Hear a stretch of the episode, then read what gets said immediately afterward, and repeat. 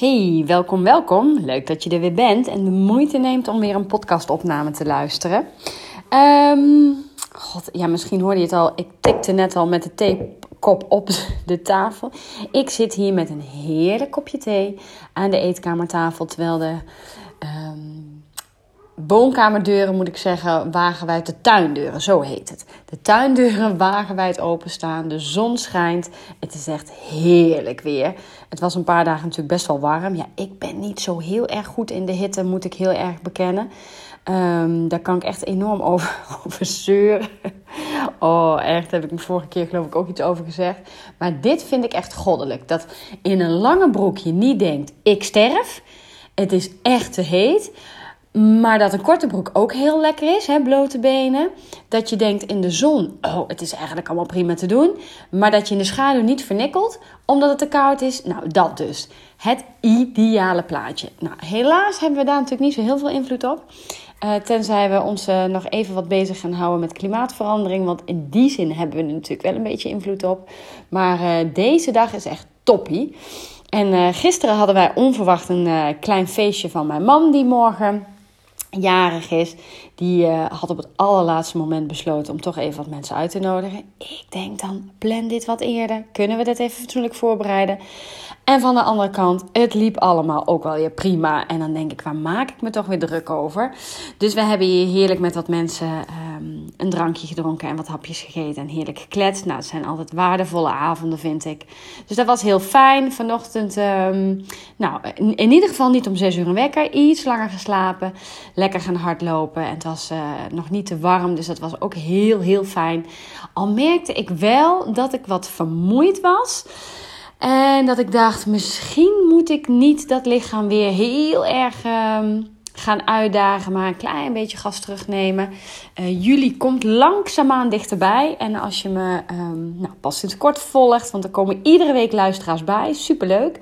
Maar mocht je pas uh, sinds kort zijn uh, aangesloten en heb je nog niet alles teruggeluisterd, dan, um, nou, ik ga in de zomer met een aantal onwijs leuke vrouwen in Italië, aan de voet van de Mont Blanc, gaan we een trailrun uh, rennen in de bergen. En nou ja, rennen is een breed begrip, hè? want er zijn stukken bij. Ik ken het gebied een klein beetje inmiddels. En er zijn stukken bij die zijn zo foeistijl. Dat is meer klauteren dan rennen. Maar er zijn ook over bepaalde bergkammen stukjes die je wel kunt rennen. Of stukjes die iets minder stijl zijn die je kunt rennen. En naar beneden kun je over het algemeen ook wel een beetje tempo maken. En uh, nou, ik geloof dat er acht uur staat voor die tocht. En uh, ik denk ook serieus dat we die acht uur nodig hebben. Want er doen vooral heel veel uh, lokale mensen mee. Dat zijn natuurlijk mensen die allemaal trainen in dat gebied. En die ervaring hebben in de bergen rennen. Nou, wij uh, hebben dat niet. Laten we daar maar heel kort over zijn. Ik heb wel eens wat in de bergen gerend, maar niet. Ik ben echt niet ervaren. Um, dus wij gaan ervan uit dat we gewoon die acht uur nodig gaan hebben. En we gaan heel, heel erg genieten van de tocht aan zich. Maar zeker ook de dagen eromheen. Dat is begin juli. Daar kijk ik echt enorm naar uit. En ik merk ook wel dat als je dan weer met zo'n trainingsschema het lopen bent. En misschien herken je dat wel als je jezelf een bepaald doel hebt gesteld en je moet daar naartoe werken. Dat, um, dat is heel leuk, dat vooropgesteld. Maar het geeft ook een bepaalde druk. En ik merk nu in combinatie met het bedrijf en alles wat daarbij komt kijken, dat, dat de trainingen soms echt wel een beetje passen en mee te zijn. En dan is het ook heel fijn dat je weet dat daar weer een einddatum aan zit. Dat je weet, oké, begin juli is dat klaar. En dan hè, begint ook de zomervakantie, vierdaagse, uh, hier in Nijmegen natuurlijk. En um, daarna op vakantie met mijn gezin. En dat ik dan uh, weer ga lopen als het echt heel lekker voelt, als ik zin heb. Uh, maar niet vanuit een schema. Um, omdat dat echt wel uitmaakt ook in je mindset. Hè? Nu ben ik daar best heel gedisciplineerd in. En gelukkig kan ik echt wel dingen meer loslaten. Veel meer dan vroeger. Hè. Dan moest ik iedere training op een bepaald moment gedaan hebben. En daar ook niet van afwijken. En dat was best een beetje dwangmatig als ik daar nu op terugkijk. Laat ik daar maar heel eerlijk over zijn. Dat heb ik gewoon niet meer. Wat kan, dat kan. Wat goed voelt, voelt goed. En ik geloof dat er vandaag eigenlijk een kilometer of 18 op het schema stonden. Ik heb er 16 van gemaakt. Ik vond het welletjes. Dat was precies het rondje. Toen dacht ik, oh, als ik nu hier afbuig, kom ik weer bij huis. Ik heb heerlijk gelopen. Dat moet ik er ook bij vertellen, terwijl ik dat van tevoren eigenlijk niet zo bedacht had. Ehm, maar dan is dit ook prima. Dus nou, met de jaren worden we allemaal ook iets relaxter. En of dat nou echt alleen door de jaren komt, weet ik natuurlijk ook niet. Ik merk ook wel dat door nou ja, het hele ondernemerschap je heel erg getriggerd wordt op ehm, nou ja, persoonlijke ontwikkeling. Uh, ik heb natuurlijk een coach uh, um, of meerdere coaches op verschillende gebieden. Um, om ervoor te zorgen dat ik gewoon het beste uit mezelf kan halen. Maar ook om heel erg te zoeken naar wat wil ik precies? Wat doe ik wel? Wat doe ik niet? Uh, nou ja, hoe run je een business? Noem maar op. Goed, best een lange introductie. Was ik niet helemaal van plan. Maar soms loopt dat zo. En ik weet dat mijn, uh, mijn eerste businesscoach Sandra Mandes, die zei wel eens... De podcast is een soort dagboek. Een soort therapie waarbij je zo lekker van je af kan praten... Um, en degene die het wil horen, die hoort het. En degene die het niet wil horen, hè? even goede vrienden. Ook helemaal oké. En daar ben ik ook oprecht helemaal oké mee. Dus als je denkt dat geneuzel vooraf, dat hoeft voor mij niet. Dan spoel je lekker een klein stukje door. En dan ga ik met je naar de inhoud.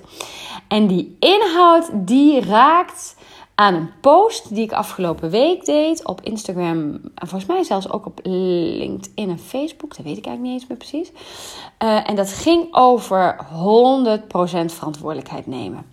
En volgens mij was de, de kop iets van neem potdomme die verantwoordelijkheid. En daar kwamen best heel veel reacties op. Superleuk.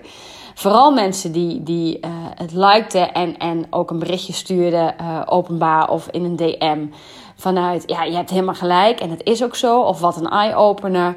Maar ook wel een kritische noot. En terecht, hè? ik vind dat altijd fijn als mensen ook kritisch zijn. Dat, dat is denk ik alleen maar goed dat we elkaar daarin scherp kunnen houden. En omdat het zoveel opriep en het ook deze week misschien wel een beetje een thema in mijn eigen leven was, dacht ik hier wil ik even wat dieper op ingaan. Omdat ik echt ervan overtuigd ben dat als je dit gaat doen, dat het je gaat helpen in hoe je in het leven staat. En het klinkt heel hoogdravend en groot. Um, nou, dat zou ik niet per se uh, uh, zo willen betitelen. En van de andere kant denk ik, misschien moet ik het wel zo betitelen. Omdat het echt enorme verandering teweeg kan brengen. Nou, wat bedoel ik nou precies met neem potdomme verantwoordelijkheid? Dat gaat over um, jij hebt regie in je leven. Jij bepaalt hoe je je leven leeft. En um, heel even een klein zijspoortje. Er is een tijdje terug iemand geweest die heeft een soort onderzoekje gedaan naar uh, onder, geloof ik, 90-jarigen. En er is ook een onderzoeker geweest die heeft dat gedaan met mensen op hun sterfbed. En die vroeg eigenlijk al die mensen: um, heb je je leven geleefd wat je wilde leven? En um, in heel veel gevallen blijkt dat dus niet het geval. En dat vind ik ook best shocking. In die zin dat ik denk, ja, leef ik mijn perfecte droomleven? Uh, nee, want er zijn ook dingen die gewoon moeten, waar ik misschien niet per se heel erg blij van word. Maar kom ik steeds dichter in de buurt van um, weten wat dat droomleven voor mij is. En um, stappen zetten in hoe ik daar kan komen. Ja, en dat is volgens mij de essentie van persoonlijke ontwikkeling. Maar op het moment dat jij, en dan weer even terug hè, naar wat ik net zei, op het moment dat jij de regisseur bent van jouw leven, dat jij bepaalt, hè, dat jij dat boek schrijft over jouw leven, dan um, kun je heel veel dingen buiten jezelf leggen. Um, want de kinderen, want mijn werk, want de baas, want mijn partner. Wat allemaal waar is, hè? laten we dat heel helder hebben. Maar daarmee leg je de regie dus ook in handen van die ander. In de handen van je kind, je baas, je partner, je werk, noem maar op. En ik kom er steeds meer achter dat dat eigenlijk niet een hele fijne manier van leven is. En op het moment dat jij, potdomme, heel streng, die verantwoordelijkheid neemt voor jouw eigen leven, dan kun je dus keuzes gaan maken en dan kun je dat hele fucking sorry voor mijn woord, maar fucking schuldgevoel, wat we natuurlijk heel vaak hebben, kun je gaan loslaten. En dat is me toch een verademing. Ik ga even een voorbeeld geven ehm, uit mijn eigen leven. En dan ga ik straks ook nog wat voorbeeldjes geven van, van, uh, vanuit mijn werk. Maar bijvoorbeeld ehm, de keuze voor. Um, even kijken of ik iets snel kan bedenken wat heel recent is. nou, iets heel simpels, wat iedereen denk ik herkent. Wel of niet naar een bepaalde afspraak gaan. Wij waren ergens voor uitgenodigd. Uh, vorig weekend, nee, twee weekenden geleden. En um, nou, in eerste instantie dacht ik, oh leuk, dat gaan we doen. En naarmate die dag dichterbij kwam, dacht ik, ja, dit is eigenlijk gewoon te veel, niet handig. Het voelt niet goed. Hoe belangrijk vind ik om mijn gezicht aan te laten zien? En dan heb je zo'n stemmetje in je hoofd dat je denkt, dat kan ik niet maken. En ja, ik heb een soort van toegezegd. We hadden niet echt toegezegd, maar we hadden ook nog niet afgezegd. Um, dus er komen dan allerlei overtuigingen die mij weer gaan weerhouden van eigenlijk heel goed voelen dat het niet handig is om die afspraak te doen. Dat ik veel meer behoefte heb aan die dag thuis zijn, ehm, mijn eigen dingetjes kunnen doen, misschien iets voor het werk kunnen doen, of iets in het huishouden, of op mijn gemak de boodschappen, of nou, noem maar op. En toen ik daar echt bij ging stilstaan van man, wat wil ik? En wat is daarmee misschien ook wel in het belang hè, van de kinderen? Want op het moment dat ik relaxter blijf, hebben de kinderen daar profijt van. Of in het belang van mijn partner. Hè. Op het moment dat ik relaxed blijf, hè, kunnen we wat dingen in huis doen, waardoor de week soepeler verloopt. Nou. En op het moment dat ik dat erkende, eigenlijk zie ik het helemaal niet zitten om naar die afspraak toe te gaan. Ik ga het niet doen. Maar vervolgens ook echt dacht: dit is mijn keuze en hier sta ik 100% achter, heb ik geen seconde meer gedacht: ja, maar wat zullen ze wel niet denken? Want het is namelijk mijn keuze. Ik kies hiervoor. 100% verantwoordelijkheid neem ik hierover. Vindt iemand dit niet cool? Vindt iemand dit niet oké? Vindt iemand daar überhaupt iets van? Prima, helemaal prima. Dan mag je dat tegen me zeggen. Dan mag je me daarover appen, over bellen. Ehm, en dan kan ik uitleggen waarom ik die keuze gemaakt heb. En dan is het voor mij klaar. Nou, dit is een heel simpel voorbeeld van verantwoordelijkheid nemen. Maar um, dat gaat natuurlijk veel verder. En kun je altijd 100% verantwoordelijkheid nemen voor alles wat er om je heen gebeurt? Nee, tuurlijk niet. Want er zijn altijd invloeden van buitenaf waar jij niet direct invloed op hebt, wat je overkomt, wat je gebeurt. Ehm, maar je hebt wel een keuze in hoe je ermee omgaat. En dan refereer ik even aan de podcast van vorige week. Welke gedachten heb jij daarover? En wat is daarin helpend en niet helpend? En op het moment dat er iets gebeurt waar jij niet meteen invloed op hebt, uh, maar wel je, waar je wel verantwoordelijkheid voor neemt, dan zul je zien dat jouw gevoel daarover ook um, milder is, makkelijker is, omdat jij kiest en daarvoor staat. En um, dan kun je heel erg gaan nadenken over van, van welk, welke dingen wil ik niet meer. En ik probeer heel erg steeds meer, en dat lukt niet altijd, hè, ik ben geen heilige, lukt me niet altijd. Maar ik probeer wel meer te denken na te denken over, maar wat, van wat wil ik meer? Dus niet zozeer meer wat wil ik niet meer, want dat is niet altijd realistisch.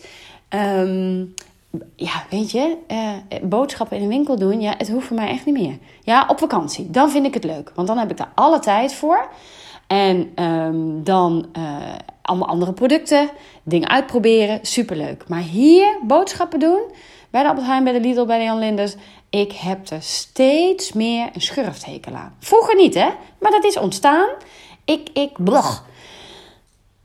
Wat wil ik dus meer? Ik wil meer gebruik maken van een bezorgdienst. En of dat dan Picnic is of de Albert Heijn of hè, nou, daar, daar, daar kan iedereen gewoon lekker zijn keuzes in maken. Er is namelijk heel veel aanbod.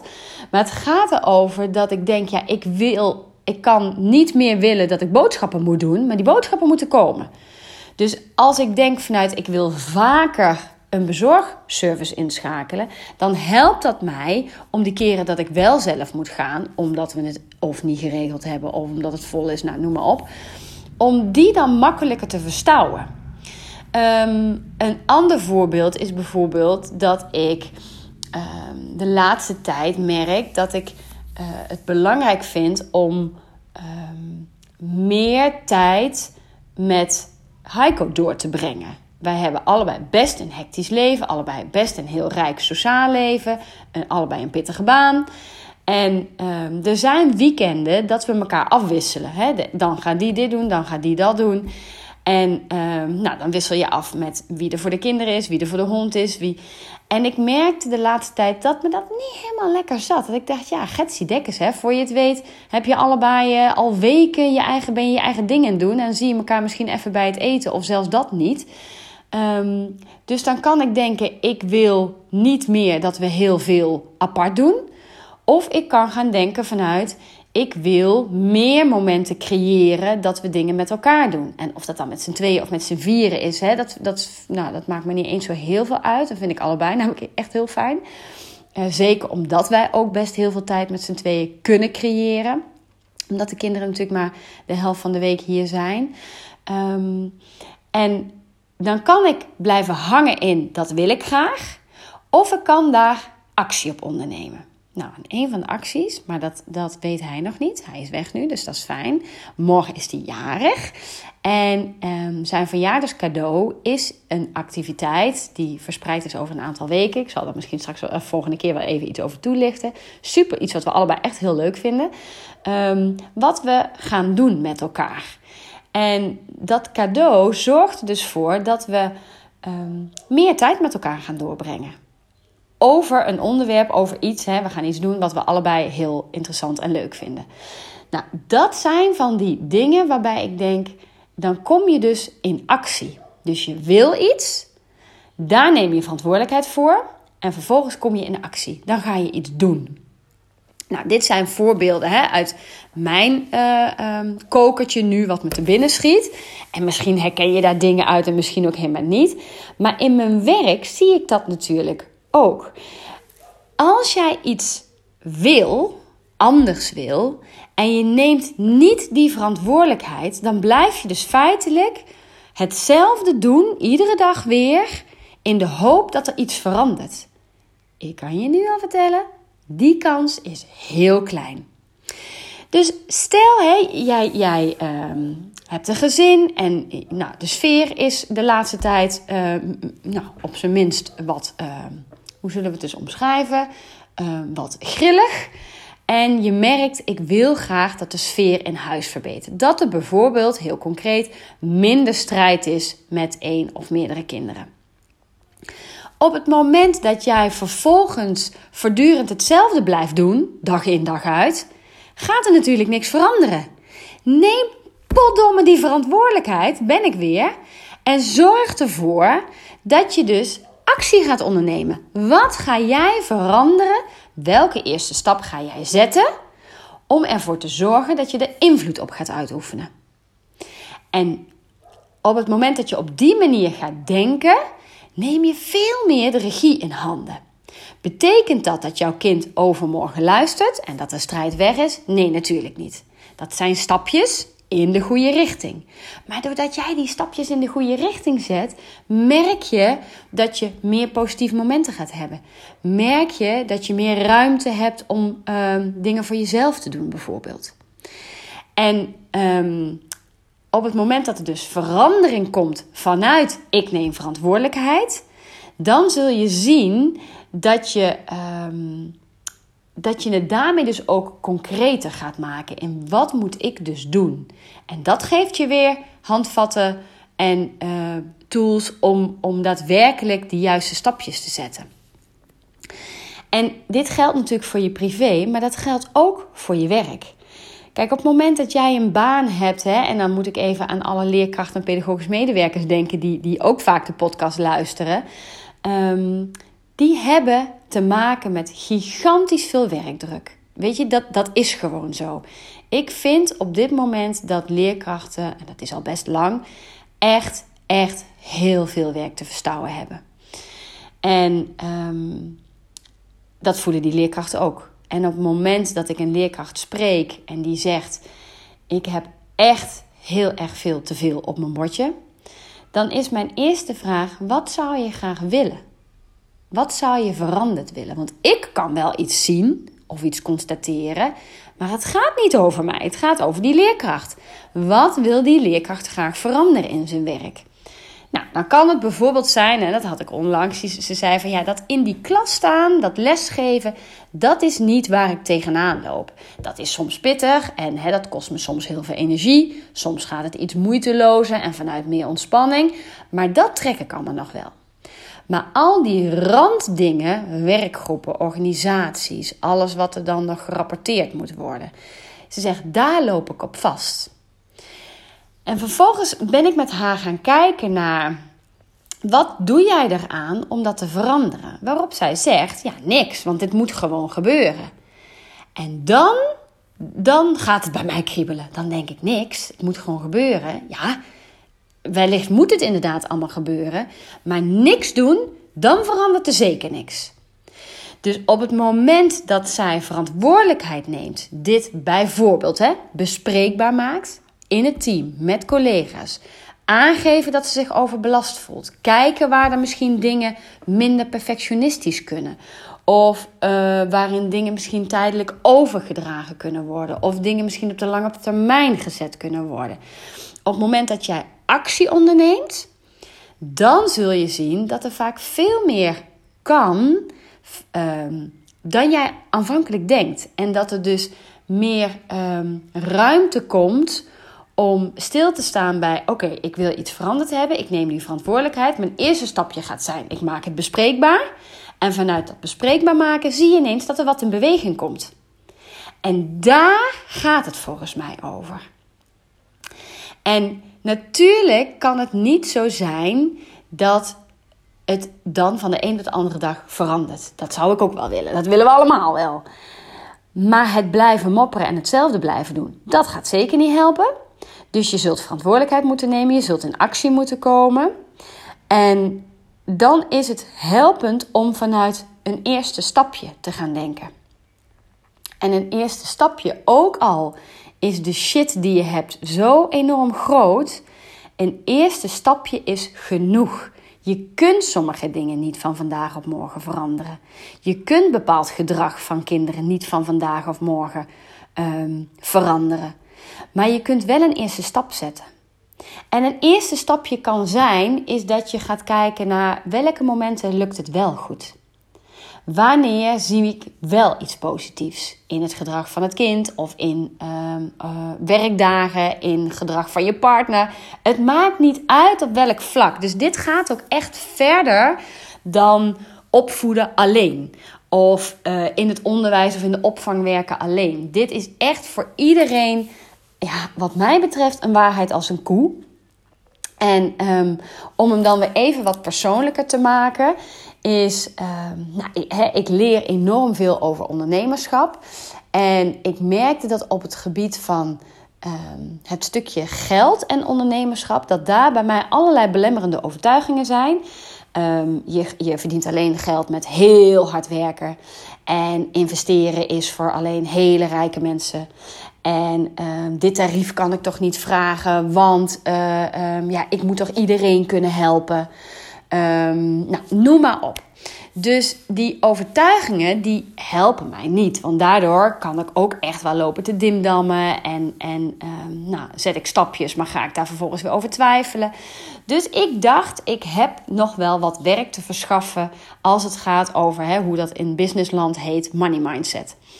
En vervolgens um, stuitte ik op een aantal trainingen, cursussen en heb me daar een beetje in verdiept van wat is passend bij mij. En ik heb uiteindelijk voor best veel geld, laten we daar ook heel eerlijk over zijn, heb ik wel een training aangeschaft omdat die het beste uh, voor mijn gevoel paste bij wat ik nodig had. En dat is een stukje mindset, maar ook um, nou ja, echt leren geld veel meer als energie gaan zien, als een ruilmiddel, als nou, noem maar op. Um, nou, die training heb ik aangeschaft en daarin wordt mij heel erg duidelijk dat ook dingen vanuit mijn jeugd, wat natuurlijk in heel veel gevallen op heel veel onderwerpen bij iedereen speelt, dat dat een rol speelt. In uh, die zin dat ik heel erg in, in nou, voor mijn gevoel, in overvloed ben opgegroeid. Ik ben nooit ook maar iets tekort gekomen. Um, weet je, we gingen op vakantie, wij deden toffe dingen, we hadden een fijn huis. Uh, en de, ik kan me wel periodes herinneren dat er meer overvloed was dan andere periodes. Maar ik kom niet uit een gezin waar heel erg tekort is geweest. Waarin ik echt heb gevoeld van, oeh, geld is hier een heel belangrijk issue. Daartegenover stond wel dat mijn ouders zich echt helemaal het schompus gewerkt hebben. Um, om drie kinderen daarin te kunnen bieden zoals ze dat gedaan hebben. En daar ben ik ze natuurlijk super dankbaar voor. Maar soms denk ik ook wel eens: oh, het had misschien ook best iets minder gemogen. En was dat hele harde werken, stond dat nou in relatie tot wat het opleverde?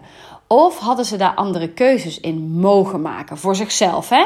En daarmee dan misschien ook wel voor ons. En was dat dan ook oké geweest?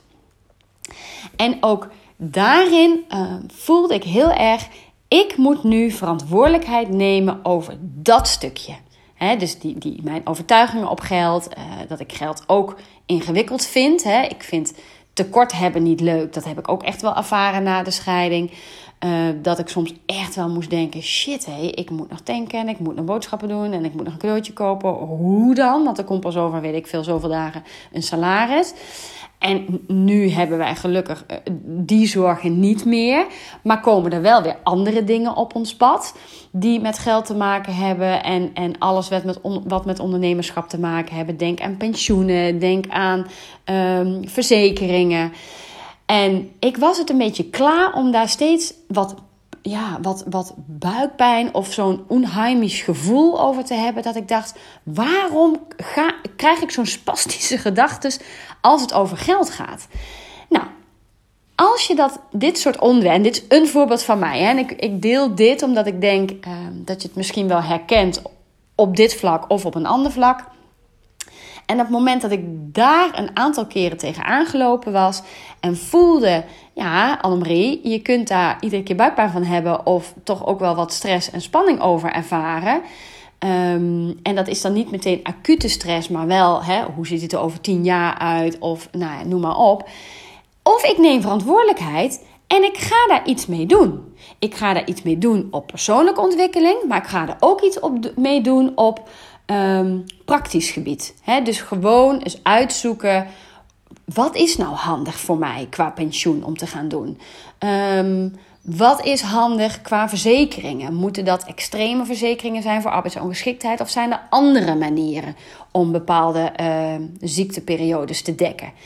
En dan merk je dus dat op het moment dat je verantwoordelijkheid neemt, dan komt de actie. En die actie, die zorgt voor ruimte. Bijna letterlijk. Dat ik denk, oh, dit is helemaal niet zo moeilijk. Oh, als ik dit doe, dan kan ik ook zus of zo. En dan, um, door die beweging, door die actie die er dan komt, dan zie je dat er ook spanning vanaf gaat. En dat het ook eigenlijk heel leuk is. En nu denk ik, oh, ik vind het bijna een sport om te gaan uitzoeken hoe bepaalde dingen nou eigenlijk geregeld zijn in Nederland. Of uh, wat voor onze situatie wel of niet handig is om te doen. Want ook dat is natuurlijk echt voor iedereen heel erg verschillend. Weet je, er zijn mensen die gaan al, al heel snel investeren in crypto of NFT's of uh, uh, aandelen, vastgoed. Ja, er zijn zoveel mogelijkheden. Ik heb echt geen idee. Ik weet het echt niet. Maar ik weet wel dat ik er op termijn heel graag iets mee zou willen. Om, omdat ik denk, als ondernemer zul je toch ook uiteindelijk naar je toekomst moeten kijken. En daar moet je niet al te lang mee wachten.